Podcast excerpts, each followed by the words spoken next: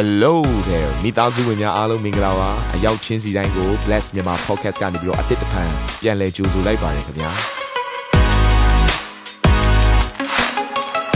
ဒီတစ်ပတ် Daily Devotion အစီအစဉ်ကတော့ယခင်ကဟောကြားခဲ့တဲ့နှုတ်ကပတ်တော်များထဲကနေပြီးတော့ highlight လောက်ဆောင်ပေးထားတာပဲဖြစ်ပါတယ်နာတော်တာစင်သူညီကောင်မောင်နှမများယနေ့နှုတ်ကပတ်တော်အားဖြင့်အသင်ပြခြင်းအသေးရရှိပါမည်အကြောင်းကျွန်တော်ကနေပြီးဆုတောင်းလိုက်ပါတယ်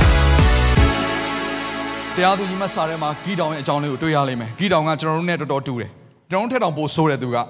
သူ့ကိုယ်သူဘယ်လိုမိတ်ဆက်လဲဆိုရင်ကျမ်းစာထဲမှာသူဟာတဲ့ဣသေလအမျိုးထဲမှာမှာတဲ့အညံ့ဆုံးသောမျိုးရိုးတွေကတဲ့အညံ့ဆုံးသောမိသားစုတွေကတဲ့အငယ်ဆုံးသောသူဖြစ်ပါတယ်တဲ့မကြံတော့ဘူးသူ့အောင်မှာဘယ်သူမှမကြံတော့ဘူးအောင်စင်းမှာဆိုရင်သူနောက်ဆုံးပဲခုံနံပါတ်ကဒါကိုပြောချင်တာမရှိတော့ဘူးအနောက်လက်ကြီးကသူတယောက်ပဲဒါပေမဲ့ဖခင်ကမုံမင်းကိုငါတုံးချင်တယ်တရားသူကြီးဖြစ်ခေါင်းဆောင်ဖြစ်ရွေးမြောက်ရွေးဖို့ရန်သူကပြင်ဆင်တဲ့အခါမှာ ဟာဂီတောင်ကညင်းတယ်နောက်ဆုံးမှတော့ဖခင်ကသူ့ကိုတတ်မှတ်လိုက်တယ်သူ့ကိုခွန်အားပေးတဲ့အခါမှာဂီတောင်ကဂျေဇုတော်ချီးမွမ်းပြီးတော့သူကရစ်ပလင်တဲတယ်အဲ့ရစ်ပလင်ရဲ့နာမည်ကဘယ်လိုလဲဆိုတော့ the lord is peace ဒါကြောင့်ငြိမ်သက်ခြင်းဆိုတဲ့အရာကခံစားချက်တစ်ခုမဟုတ်ဘူးအခြေအနေတစ်ခုမဟုတ်ဘူးငြိမ်သက်ခြင်းကပုံကိုဖြစ်တယ်ငြိမ်သက်ခြင်းကယေရှုကိုပြောနေတာငြိမ်သက်ခြင်းဆိုတာဖခင်ကိုပြောနေတာခံစားချက်မဟုတ်ဘူးအခြေအနေတစ်ခုမဟုတ်ဘူးလူတွေကတော့ငြိမ်သက်ခြင်းဆိုတဲ့အရာကိုဘယ်လိုပုံစံနဲ့သတ်မှတ်လဲစစ်ပွဲတွေပြီးသွားရင်ငြိမ်သက်ခြင်းလို့သတ်မှတ်တယ်ဟုတ်လား ရံမဖြစ်တော့ရင်ငြိမ်သက်ခြင်းလို့သတ်မှတ်တယ်ဒုက္ခဆင်းရဲတွေပြဿနာတွေမရှိတော့ရင်အော်ငါမှငြိမ်သက်ခြင်းရှိရလို့သတ်မှတ်တယ်ခံစားချက်တွေကောင်းသွားရင်ငြိမ်သက်ခြင်းလို့သတ်မှတ်တယ်အခြေအနေတွေကိုပြောတာဒါပေမဲ့ဒီနေရာမှာပြောတဲ့ငြိမ်သက်ခြင်းဆိုတာကအခြေအနေတွေနဲ့မဆိုင်ဘူးစစ်ဖြစ်ရင်ဖြစ်နေမယ်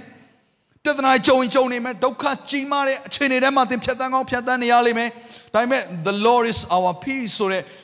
ငြိမ်သက်ခြင်းအရှင်ယေရှုခရစ်တော်ကသင်နဲ့ရှိနေတဲ့အခါမှာ ထိုဆောဆောကပြဿနာတွေရှိတော်လဲပဲသင်ရဲ့အထဲမှာလူတွေကိုပြန်ပြောပြလို့မရနိုင်တဲ့ငြိမ်သက်ခြင်းကိန်းဝင်နေတယ်အဲ့ဒါကမင်းတို့ကဒုက္ခရောက်ငါကပျော်နေရလို့ပြောတာမဟုတ်ဘူးနော်လူသားတယောက်နဲ့ခံစားချက်ရှိတယ်အခြေအနေတွေကတော်တော်ဆိုးမှာပါဒါပေမဲ့ဒီအထဲမှာငြိမ်သက်နေတယ်ကျွန်တော်တို့အခုမြန်မာပြည်ရဲ့လက်ရှိအခြေအနေကျွန်တော်တို့အသင်းတော်ရဲ့အခြေအနေကလည်းအခြေအနေကိုကြည့်လိုက်မယ်ဆိုရင်ငြိမ်သက်စရာတစ်ခုမှမရှိဘူး ပတိုင်းပတိုင်းဖះအကြောင်းဝင်လာရပြီဖះရှိခိုးရတဲ့ကိစ္စဆိုတာလဲနော်ကျွန်တော်တို့စဉ်းစားကြည့်မယ်ဆိုရင်စိတ်ပူပန်စရာတွေအများကြီးရှိတယ်စဉ်းစားမဲ့ချက်တစ်ခါဒီမှာကျွန်တော်တို့ကကောင်းကြီးတွေရနေတဲ့အချိန်မှာဆိုရင်ငြိမ်သက်တယ်လို့ရှိတယ်အဲ့ကောင်းကြီးတွေမရှိတော့တဲ့အချိန်ကျတော့ပူပန်တယ်လို့ပြန်ဖြစ်ပြန်တယ်ဆိုတော့အဲ့ဒီအချိန်တွေပေါ်မှာသွားပြီးရက်တည်လို့မရဘူးအစိုးဆုံးသင်စဉ်းစားထားပါအဲ့ဒီအချိန်တွေမှာလဲဘုရားငြိမ်သက်ခြင်းပေးနိုင်တယ် ကြောင့်ယေရှုကသူပြောခဲ့တဲ့ကျမ်းစာတစ်ခုကဘာလဲဆိုတော့ယောဟန်ခန်းကြီး14 29မှာငြိမ်သက်ခြင်းကိုသင်တို့၌ငါထားခဲ့၏ငါ၏ငြိမ်သက်ခြင်းကိုသင်တို့အားငါပေး၏လောကီသားတို့ပေးတဲ့ကဲ့သို့ငါပေးသည်မဟုတ်သင်တို့စိတ်နှလုံးပူပန်ခြင်းစိုးရိမ်တုန်လှုပ်ခြင်းမရှိစေနဲ့ဒီလောကကိုအောင်ထားတဲ့ယေရှုနဲ့အတူရှိမှတော့ကျွန်တော်တို့ကရှုံးတဲ့ဘက်မှာမဟုတ်ဘူးလေအာမင်ဒီလောကမှာတော့အနိုင်ရှုံးနေရှိကြမှာပေါ့နော်ဒါပေမဲ့ကျွန်တော်တို့ကအမြဲတမ်းအောင်မြင်တော်သူတွေဖြစ်တယ် ကျွန်တော်တော်လို့လည်းမဟုတ်ဘူးကျွန်တော်တို့စစ်တိုက်နေလို့လည်းမဟုတ်ဘူးကျွန်တော်တို့အရန်ကြီးအစွမ်းထက်နေလို့လည်းမဟုတ်ဘူးအောင်ပွဲကိုယူပေးသောယေရှုကျွန်တော်တို့နဲ့အတူရှိလို့ကျွန်တော်တို့ကအောင်ပွဲကိုရတော်သူဖြစ်တယ်အောင်တဲ့ဘက်မှာရောက်နေတာရှုံးတဲ့ဘက်မှာမဟုတ်ဘူးနိုင်တဲ့ဘက်မှာကျွန်တော်တို့ကပါနေတာဒါကိုပြောချင်တာအာမင်ကျွန်တော်ပြောတဲ့ဟာတွေကိုဖြတ်ဖြတ်ပြီးတော့အင်တာနက်ပေါ်မတင်နဲ့နော်ကျွန်တော်ဒုက္ခရောက်မယ်ယောမခန်းကြီး9အငယ်1မှာ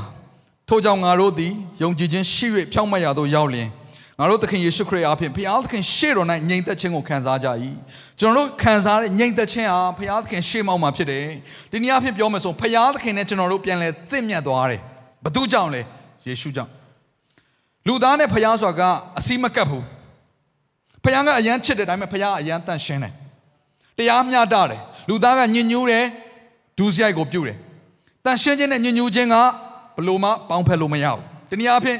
ပြောမယ်ဆိုရင်ရံဘက်ပြုတ်တယ်ဆိုစကားလုံးပေါ့နော်ဒါမတည့်ဘူးပေါ့လေသို့တော်လည်းပဲဖခင်သခင်နဲ့လူသားကြားထဲမှာပြန်လဲတစ်မျက်စေတာဘာတူလဲယေရှုခရစ်တော်ဖြစ်တယ်ဒါကြောင့်သူ့ကိုငြိမ်သက်ခြင်းအရှင်လို့ခေါ်တာအာမင်ကျွန်တော်တို့ဘုရားသခင်နဲ့ဝေးကွာခြင်းကိုပြန်လဲ၍ပေါင်းစည်းစေတော်သူကယေရှုခရစ်တော်ဖြစ်တယ်။ဒါကြောင့်ကိုလောသဲခန်းကြီး1ငယ်19ကနေ20မှာအကြောင်းမူကားခတ်သိမ်းသောပြည့်စုံခြင်းကိုသားတော်၌ကျင်းဝတ်စေခြင်းငါ၎င်းလဝါကတ်တိုင်မှာတွန်းသောအသွေးတော်အဖြစ်ရန်ကိုငြိမ့်စေ၍ ကောင်းကင်အရာဖြစ်စေမြေကြီးအရာဖြစ်စေခတ်သိမ်းသောအရာတို့ကိုသားတော်အားဖြင့်ဘုရားသခင်နှင့်မိတ်ဟာယဖွဲ့စေခြင်းက၎င်းအလိုရှိတော်မူ၏အာမင်ဟာလေလုယာဒီနေ့ကျွန်တော်တို့ကိုဘုရားသခင်နဲ့မိတ်ဟာယဖွဲ့စေတော်သူဟာယေရှုခရစ်တော်ဖြစ်တယ်။ဒါကြောင့်ကျွန်တော်တို့ကဘုရားစီကိုချင့်ကပ်တယ်ဆိုတဲ့အရာနော်ဒီနေ့ကောင်းကင်နဲ့ဆိုင်သောအရာဆိုရယေရှုခရစ်တော်မပါလို့မရဘူး။တော့သင်ဒီကောင်းကင်နဲ့ဆိုင်သောဓမ္မမင်္ဂလာမြေကြီးနဲ့ဆိုင်သောမင်္ဂလာအလုံးစုံခံစားခြင်းသလား ယေရှုခရစ်တော်စီမှာပဲရှိတယ်။ယေရှုခရစ်တော်စီမှာပဲရှိတယ်။လောကစီးစိမ်မှာမရှိဘူး။သင်ရဲ့အလုတ်ထမ်းမှာမရှိဘူး။ဟဲ့သင်အာကိုးနေတဲ့လူတွေထဲမှာမရှိဘူး။လုံးဝမရှိဘူး။ဒါကိုသဘောပေါက်ပါ။သင်ရဲ့အောင်ခြင်းစစ်မှန်သင်ရဲ့ငြိမ်သက်ခြင်းစစ်မှန်စစ်မှန်သောဖျားပေးတဲ့စီးစိမ်ဥစ္စာယေရှုထဲမှာပဲရှိတယ်။အာမင်။အခက်ခဲဆုံးသောအခြေအနေမှာငြိမ်သက်ခြင်းယေရှုပဲပေးနိုင်တယ်။ဘယ်သူမှမပေးနိုင်ဘူး။ သင်ခင်မောတယ်လည်းမပေးနိုင်ဘူး။စနီးတယ်လည်းမပေးနိုင်ဘူး။မိဘလည်းမပေးနိုင်ဘူး။အလုရှင်ကလည်းမပေးနိုင်ဘူး။နိုင်ငံတော်ခေါင်းဆောင်တွေကလည်းမပေးနိုင်ဘူး။ဘယ်တိုင်းနိုင်ငံမှလည်းမပေးနိုင်ဘူး။အမေရိကသွားပြီးဘဝပြည့်နေလူတွေအများကြီးပဲ။ကြောက်ရွံ့နေရတဲ့လူတွေအများကြီးပဲ။ကျွန်တော်တို့ကနိုင်ငံခြားကိုလည်းတစ်ခါတည်းထင်ကြီးတတ်တယ်။နိုင်ငံခြားသွားရင်အဆင်ပြေမယ်လို့ထင်တယ်။အဆင်မပြေဘူး။အဆင်မပြေဘူး။သွားစရာမရှိဘူး။ယေရှုစီကိုပဲသွားပါ။အာမင်။ယေရှုထဲမှာအကုန်ရှိတယ်။ဟာလေလုယာ။ တကယ်တော့ကျွန်တော်တို့ရဲ့ငွေကြေးပြဿနာဆိုတာကဘာပြဿနာလဲဆိုတော့သခင်ထားတာမှားတဲ့ပြဿနာ။အမှန်တော့ငွေကြေးပြဿနာမဟုတ်ဘူး။ lordship ပြဿနာ။သခင်ဖြစ်ထားတာမှားသွားလို့ယေရှုသာသခင်ဖြစ်ထားကြည်စမ်းပါ။ငွေကြေးပြဿနာကြုံလဲအဲ့ဒီကဘုရားလွတ်မြောက်ခြင်းပေးမှာ။ဒါပေမဲ့သခင်ခရစ်တော်ယေသခင်ခရစ်တော်နေရာမှာအခြားအရာတွေကိုသွားပြီးတော့သခင်ဖြစ်ထားလိုက်တဲ့ခါမှာဒုက္ခရောက်တာအဲ့တော့ relationship ပြဿနာဆိုတာတကယ်တော့ lordship ပြဿနာပဲဇနီးမောင်နဲ့နှစ်ယောက်ကြားထဲမှာဘသူ့ကိုသခင်ထားတာလဲယေရှုကိုသခင်ဖြစ်ထားရင်ပြဿနာတွေကအဲ့ယေရှုခရစ်တော်ထဲမှာအကုန်လုံးဖြေရှင်းပြီးသားဖြစ်တယ်ဟာလေလုယာမိသားစုကိုငြိမ်သက်ခြင်းပေးတာယေရှုခရစ်တော်ပဲမိသားစုကိုပေါင်းစည်းစေရယေရှုခရစ်တော်ပဲ restoration လို့ခေါ်တဲ့ပျော်ကွဲတဲ့အရာတွေကိုပေါင်းစည်းစေရလဲယေရှုခရစ်တော်ပဲအာမင်ဇနီးမောင်နှစ်ယောက်ကမတည့်ဘူးကွဲကြပြီဆိုမှတော့ဘလို့မှပြန်ပြန်ကတ်လို့မရဘူးကွဲဖို့တဲ့လူတွေသိတယ် ကွဲဖို့ပြင်နေတဲ့လူတွေကောင်းကောင်းသိတယ်ကွဲပြီးသွားရင်ပြန်ကတ်ဖို့ဆိုတာဘလို့မှမလွယ်တော့ဒါပေမဲ့ God of restoration လို့ခေါ်တယ်ယေရှုခရစ်တော်ဟာပြိုကွဲနေတဲ့အရာတွေကိုပြန်လဲပေါင်းစည်းစေတော်ဖရားဖြစ်တယ်အဲ့တော့မိသားစုမှာ lordship မှန်သွားတဲ့အခါကျမှအဲ့မိသားစုကအဆင်ပြေတာအာမင်ကိုဖြစ်ချင်တဲ့အရာတွေကိုရှေ့တန်းတင်လို့ကတော့ဘယ်တော့မှမပြေဘူးယုံကြည်သူမိသားစုလည်းမပြေဘူးဘာကြောင့်လဲမိသားစုရဲ့ Lord ကယေရှုခရစ်တော်မှမဟုတ်တာအဲကြောင့်တင်းရဲ့အသက်တာမှာတင်းရဲ့ carrier လို့ခေါ်တဲ့ အလောက်ကန်ရဲ့ lordship ကပါလေတခါဒီမှာချို့တော်သူတွေကကိုယ့်ရဲ့အလောက်ကန်ကို lordship နေရာမှာထားချို့ကကိုယ့်ရဲ့ company passion ကို lordship နေရာမှာထားတယ်ချို့ကနော်အာအများကြီးပဲဥမာဒီမှာလူပညာရှင်တွေရှိတယ်ကျွန်တော်တို့အသင်းတော်မှာလူပညာရှင်တွေအများကြီးရှိတယ်ကျွန်တော်ဒီတစ်ခါလည်းသတိပေးခြင်းတယ်ပရိသတ်ဟာသင်တို့ရဲ့ law မဟုတ်ဘူးသင်တို့ရဲ့သခင်မဟုတ်ဘူးဘာကြောင့်လဲမြန်မာပြည်မှာဒီလိုပဲပြောကြတယ်ပရိသတ်မြန်မာပြည်ဘာဟုတ်တကဘာလုံးမှာပါပဲပရိသတ်ဟာထမင်းရှင်ထမင်းရှင်စကားလုံးပြောကြတယ် ကျွန်တော်ကယုံကြည်သူတယောက်နေတော့လကောင်းတင်းယုံဆရာတယောက်နေတော့ခေါင်းဆောင်တယောက်နေတော့ကောင်းဒီပြက်ပြက်သားသားပြောခြင်းတယ်ထမင်းရှင်ကဘုရားသခင်ဖြစ်တယ်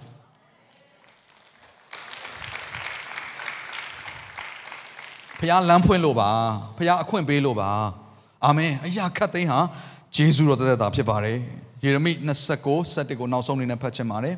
တဖန်မိန်တော်မူသည်ကငါသည်သင်တို့ကိုအကျိုးနည်းစေခြင်းကကြံစီသောအကြံမဟုတ်ဘဲသင်တို့သည်မျှော်လင့်သောအကျိုးကိုရမည်ကြောင်း ငြိမ်ဝတ်စေခြင်းကသာသင်တို့ဖို့ကြံစီသောအကြံတို့ကိုငါသည်ကိုကတော့ခြေနေတွေကိုကြည့်တဲ့အခါကျတော့လူတွေကိုမိခိုရတဲ့ဟာလေးရှိလာတယ်အားနာရတဲ့ဟာလေးရှိလာတယ်အဲ့တော့လူတွေဟာဘုရားသခင်ကိုပဲစွန့်တယ်လူတွေကိုမစွန့်ဘူးတော်တော်များများကလူတွေမျက်နှာကိုကြည့်တယ်ကြောက်တယ်အခွင့်အရေးတွေလက်လွတ်သွားမှစိုးရိမ်တယ်ဒါပေမဲ့ဘုရားသခင်ကဘာပြောလဲငါတဲ့ငါရဲ့အမင်းအတွက်ကြံစီထားတဲ့အကြံစီကအရန်ကောင်းပါတယ်ဘလောက်ကောင်းလဲဆိုရင်တဲ့ငြိမ်ဝတ်ဖို့ရန်အတွက်ဘုရားကကြံစီထားတယ်တဲ့ငြိမ်ဝတ်စေခြင်းကသာကြံ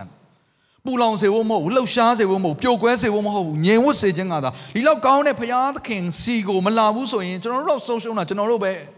အာမင်ကြောင့်တင်းရဲ့အခြေအနေပျော်ကွဲမဲ့အခြေအနေတင်းနှလုံးသားထဲမှာချိန်မွနေတဲ့အနေအထားတွေဘာတွေပြဿနာကြုံရလဲကျွန်တော်အသေးစိတ်မသိပေမဲ့ကျွန်တော်တို့ကလူသားဖြစ်တဲ့ကြောင့်မလို့ပြဿနာတော့ရှိမှသိကြတယ်ဒီအသေးပြဿနာရဲ့အဖြေကိုလောကထဲမှာသွားမရှာပါနဲ့ဘုရားသခင်ရဲ့အကြံစီကအကောင်းဆုံးဖြစ်တယ်သင်တို့အကျိုးနည်းဖို့ငါကြံတာမဟုတ်ဘူးတဲ့ သင်တို့မျှော်လင့်တဲ့အကျိုးကိုရမယ့်အကြောင်းငြိမ်ဝတ်စေခြင်းကသာသင်တို့အဖို့ကြံစီသောအကြံငါသိတယ်ဟဟာလေလုယာဒါအခုလိုမျိုးအခြေအနေထဲမှာခဏလောက်စိတ်ကိုထိန်းချုပ်လိုက်ပြီးတော့ခဏလောက်ငြိမ်ဝှချင်းထဲမှာခဏလောက်နေပြီးတော့ဘုရားဘက်ကိုလှည့်ကြည့်ပါဘုရားသခင်ဒီသင်ကိုလမ်းညွှန်နေတယ်အာမင်နာတော်တာစင်သူတိုင်းရဲ့အသက်တာမှာကောင်းကြီးဖြစ်မယ်ဆိုတာကိုကျွန်တော်ယုံကြည်ပါတယ်။ သင်ရဲ့အသက်တာအတွက်များစွာသော resource တွေနဲ့ update တွေကို Facebook နဲ့ YouTube platform တွေမှာလည်းကျွန်တော်တို့ပြင်ဆင်ထားပါတယ်။ Facebook နဲ့ YouTube တွေမှာဆိုရင် search box ထဲမှာစူဇနာမင်းလို့ရိုက်ထည့်လိုက်တဲ့အခါအပြအယောင်အမှန်ချစ်ထားတဲ့ Facebook page နဲ့ YouTube channel ကိုတွေ့ရှိမှာဖြစ်ပါတယ်။နှုတ်ကပတ်တော်တွေကိုဗီဒီယိုအားဖြင့်လည်းခွန်အားယူနိုင်ဖို့ရန်အတွက်အစင်သစ်ပြင်ဆင်ထားပါတယ်။ကျွန်တော်တို့ဝိညာဉ်ရေးရာအတွက်အထူးလိုအပ်တဲ့ဖွင့်ပြခြင်းတွေနဲ့ခွန်အားတွေကိုရယူလိုက်ပါ။နောက်ရက်များမှာပြန်ဆုံတွေ့ကြရအောင်ခင်ဗျာအားလုံးကို နှုတ်ဆက်ပါတယ်